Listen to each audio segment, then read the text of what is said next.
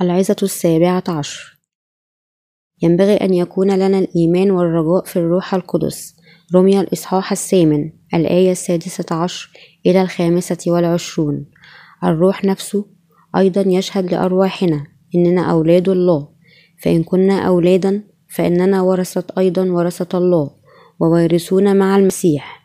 إن كنا نتألم معه لكي نتمجد أيضا معه فإني أحسب أن آلام الزمان الحاضر لا تقاس بالمجد العتيد أن يستعلن فينا لأن انتظار الخليقة يتوقع استعلان أبناء الله. إذا أخضعت الخليقة للبطل ليس طوعا بل من أجل الذي أخضعها على الرجاء. لأن الخليقة نفسها أيضا ستعتق من عبودية الفساد إلى حرية مجد الله.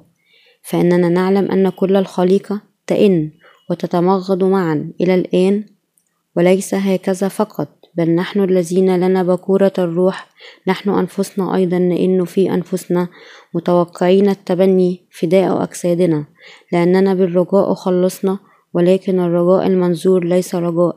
لأن من ينظره أحد كيف يرجوه أيضا؟ ولكن إن كنا نرجو ما لسنا ننظره فإننا نتوقعه بالصبر. الآن هو زمان بلا رجاء هل يوجد رجاء حقيقي الآن في العالم؟ لا. لا يوجد بل يوجد فقط مع يسوع الآن وقت القلق واليأس. يتغير كل شيء يوميا بشكل سريع ويحاول الناس بشدة أن يجاروا هذه التغييرات السريعة. هم لا يطلبون الحق الروحي ولا عندهم أي اهتمام بالسعادة الروحية. بدلا من ذلك هم يجاهدون لكي يتجنبوا الفشل الفشل ويعيشوا كخدام لهذا العالم. تظهر وظائف جديدة ووظائف قديمة تختفي. على نفس النمط يخضع الناس لتغييرات كبيرة أيضا لذا يعيشوا حياة مشغولة ومتوترة جدا. وبشكل تدريجي يختفي رجاءهم في هذا العالم. أحد أسباب هذا هو أنهم يعيشون حياة بدون أي بعض ضمان. مؤكد للمستقبل. نحن نعيش في مثل هذا العالم غير المستقر. يجب أن نرجو الحياة الأبدية في الروح القدس. كيف يمكن أن نحصل على الرجاء الحقيقي؟ نحن يمكن أن نحصل عليه بواسطة الإيمان ببشارة الماء والروح. إن رجاء أولئك الذين نالوا الروح القدس ليس على الأرض لكن في السماء. تكلم الرسول بولس عن الرجاء الحقيقي في السماء نحن الذين قرننا بالفعل سكن الروح القدس. نرجو الأشياء السماوية. نفعل هذا لأننا نعتقد بأن يسوع المسيح جاء ليأخذ كل آثامنا ويخلصنا. نحن الخطاة. خلال معموديته بواسطة يوحنا ودمه على الصليب. منح الرب رجاء سماوي لأولئك الذين يؤمنون ببشارة مغفرة الخطية رمية الإصحاح الثامن الآية التاسعة عشر إلى الحادية والعشرون. تقول لأن انتظار الخليقة يتوقع استعلان أبناء الله. إذا أخضعت الخليقة للبطل ليس طوعا بل من أجل الذي أخضعها على الرجاء. لأن الخليقة نفسها أيضا ستعتق من عبودية الفساد إلى حرية مجد أولاد الله. إن كل الخليقة تأمل الخلاص من عبودية الفساد والموت. كل الأشياء في هذا العالم ناقصة. لهذا يئنون وينتظرون استعلان أبناء الله. بالإضافة إلى ذلك يرغبون أيضا أن يتحرروا من عبودية الفساد وأن يعيشوا إلى الأبد. مخلوقات تنتظر اليوم الذي فيه لن يفسدوا ولا يفنوا لكن بدلا من ذلك يعيشوا إلى الأبد. يوما ما كل مخلوقات الله ستتجدد وبالرغم من أن الزهرة تزبل وتفسد في هذا العالم إلا أنها تتفتح دائما وتعيش إلى الأبد في عالم جديد. نحن الذين عدنا سكن الروح القدس. سنرى هذا العالم الجديد أيضا. وعد يسوع المسيح بأنه يأتي ثانيا. يقيم أولئك الذين نالوا سكن الروح القدس. يعطيهم جسدا جديدا. خالد عديم الفساد لكل منهم. ويعطيهم حياة أبدية. وعدهم أيضا أنهم يعيشون إلى الأبد في السماء مع الله. كل المخلوقات في العالم تنتظر هذا اليوم. هم سيعيشون أيضا إلى الأبد.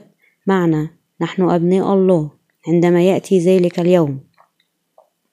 هذا العالم يرى من خلال الرجاء متى يتحقق هذا الحلم للأبرار. يتحقق عندما يأتي ربنا. يجب أن نكون في الرجاء عندما ننظر إلى هذا العالم. يقول يسوع بأنه سوف يكون هناك مجاعات وأوبئة زلازل وحروب في أماكن متعددة. متى؟ الإصحاح الرابع عشر الآية السابعة. لكن ليس المنتهى بعد. في اليوم الأخير لهذا العالم سيأتي ربنا ثانيا يجدد كل الأشياء الدنيوية ويورثنا الجسم الروحاني الذي لا يفنى.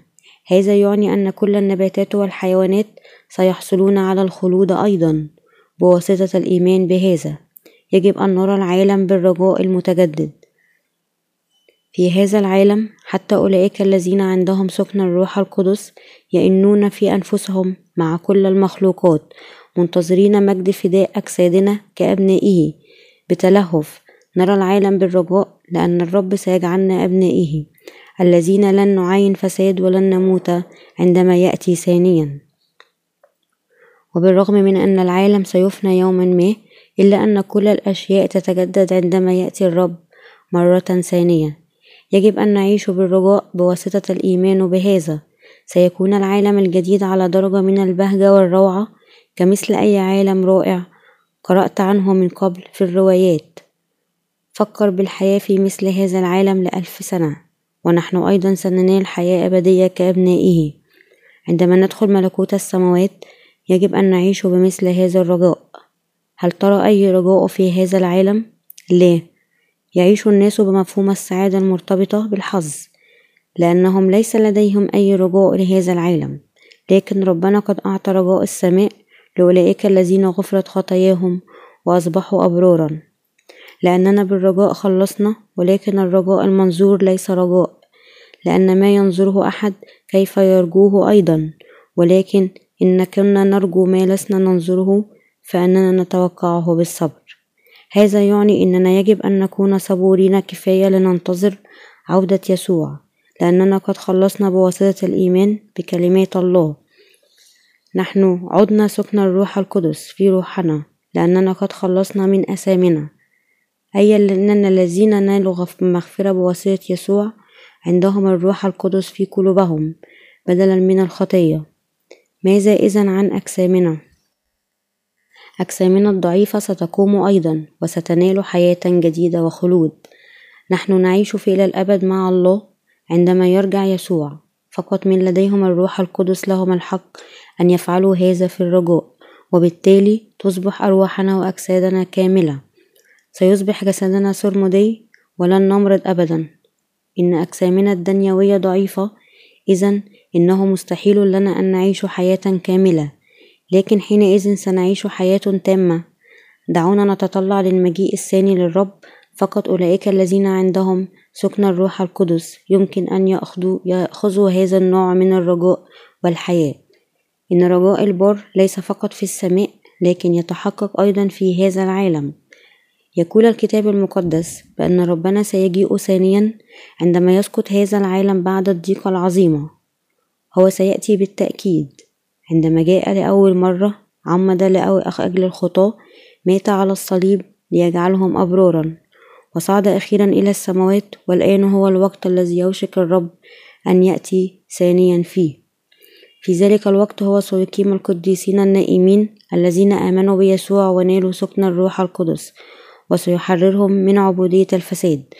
هو سيعطيهم أجسام سماوية جديدة لا تفسد ولا تمرض إلى جانب أنهم سيختطفون في السحاب ليقابلوه في الهواء. هو سيجعل كل الأشياء جديدة. بعد هذا نحن مع يسوع ربنا ستعيش ونحكم معه في العالم الجديد لألفي سنة.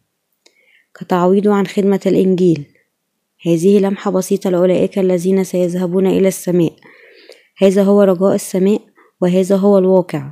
في ذلك الوقت كل الأشياء الناقصة ستكمل والأشياء القابلة للفساد لن تفسد أبدا. ستتم الكلمات التي تقول الجسم يزرع في الفساد ويقوم في البر كورنثوس الأولى الإصحاح الخامس عشر الآية الثانية والأربعون. في ذلك الوقت خلال يسوع المسيح.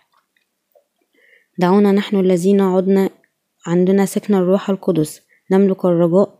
يجب أن نتذكر بأنه بالرغم أن كل الأشياء تضعف وتموت إلا أن هذه ليست النهاية يجب أن يكون عندنا إيمان الرجاء في أن ربنا سيجعل العالم كله جديد. مرة ثانية يجب أن نعيش برجاء في السماء الجديدة والأرض الجديدة. عندما يكون لنا هذا الرجاء نحن نكون قادرين أن نبشر بالإنجيل. نحن عندنا سكن الروح القدس لأننا قد خلصنا من أسامي العالم على نفس النمط.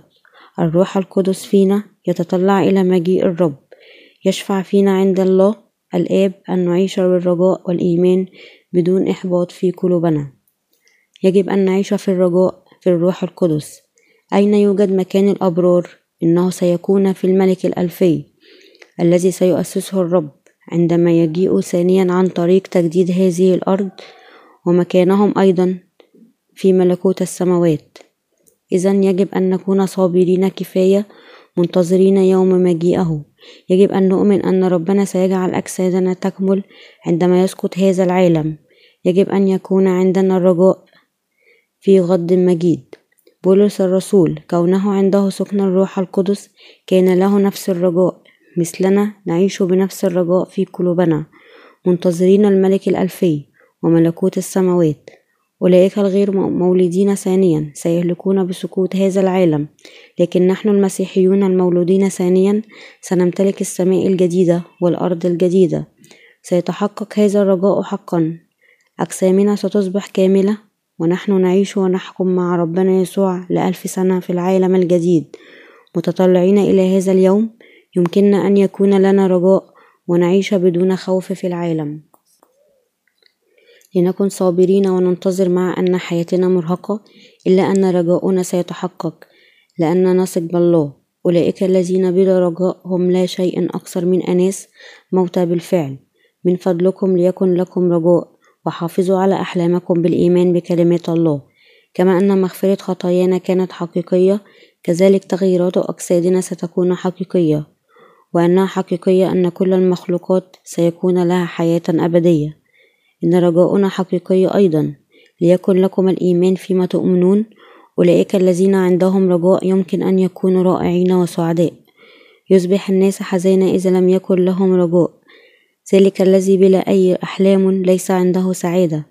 نحن يمكن أن نعيش حياة سعيدة لأن عندنا رجاء في الملك الألفي وملكوت السماوات. السماء الجديدة والأرض الجديدة. إن البر يجب أن يكون عنده الرجاء ويبشر بهذا الرجاء في الروح القدس. يجب أن نرجو أن تنتشر بشارتنا خلال كل العالم. إن كان عندنا الإيمان القوي أنت ستدرك أن العالم ليس بهذا الكبر ومع أن بدايتنا كانت ضئيلة إلا أننا سنكون قادرين أن نبشر بالإنجيل خلال العالم. إذا كان لنا رجاء وتضرع كما فعل بولس يجب أن نؤمن. أولئك الذين عندهم الرجاء هم مخلصون في عملهم للتبشير بهذه البشارة الحسنة. يجب أن نرجو للإنجيل أن ينتشر في هذا العصر من اليأس. يجب أن نبشر بالبشارة الحسنة إلى الفقير والمتواضع واليائس والمنهك. يجب أن نخلصهم من الظلمة بواسطة التبشير برجاء ملكوت السماوات حيث فقط أولئك الذين غفرت أسامهم بواسطة الإيمان ببشارة الماء والروح يمكن أن يدخلوا. يجب أن نلمهم أن يكونوا عندهم الرجاء أن عالم الله سيأتي مثل لص فجأة بعد وقت الضيق هذا. وإلى الخدام والقديسين المولودين ثانيا. رجاء بشروا بهذه البشارة إلى نهاية العالم. حافظوا بقوة على رجائكم في السماء. بغض النظر عن كم سريع يسقط هذا العالم. أولئك الذين لهم الرجاء لن يموتوا. لأنهم عندهم ما هو أبدي أبعد من هذه الحياة الدنيوية. هم بالتأكيد عندهم حياة ثانية أعطيت لهم بواسطة الرب.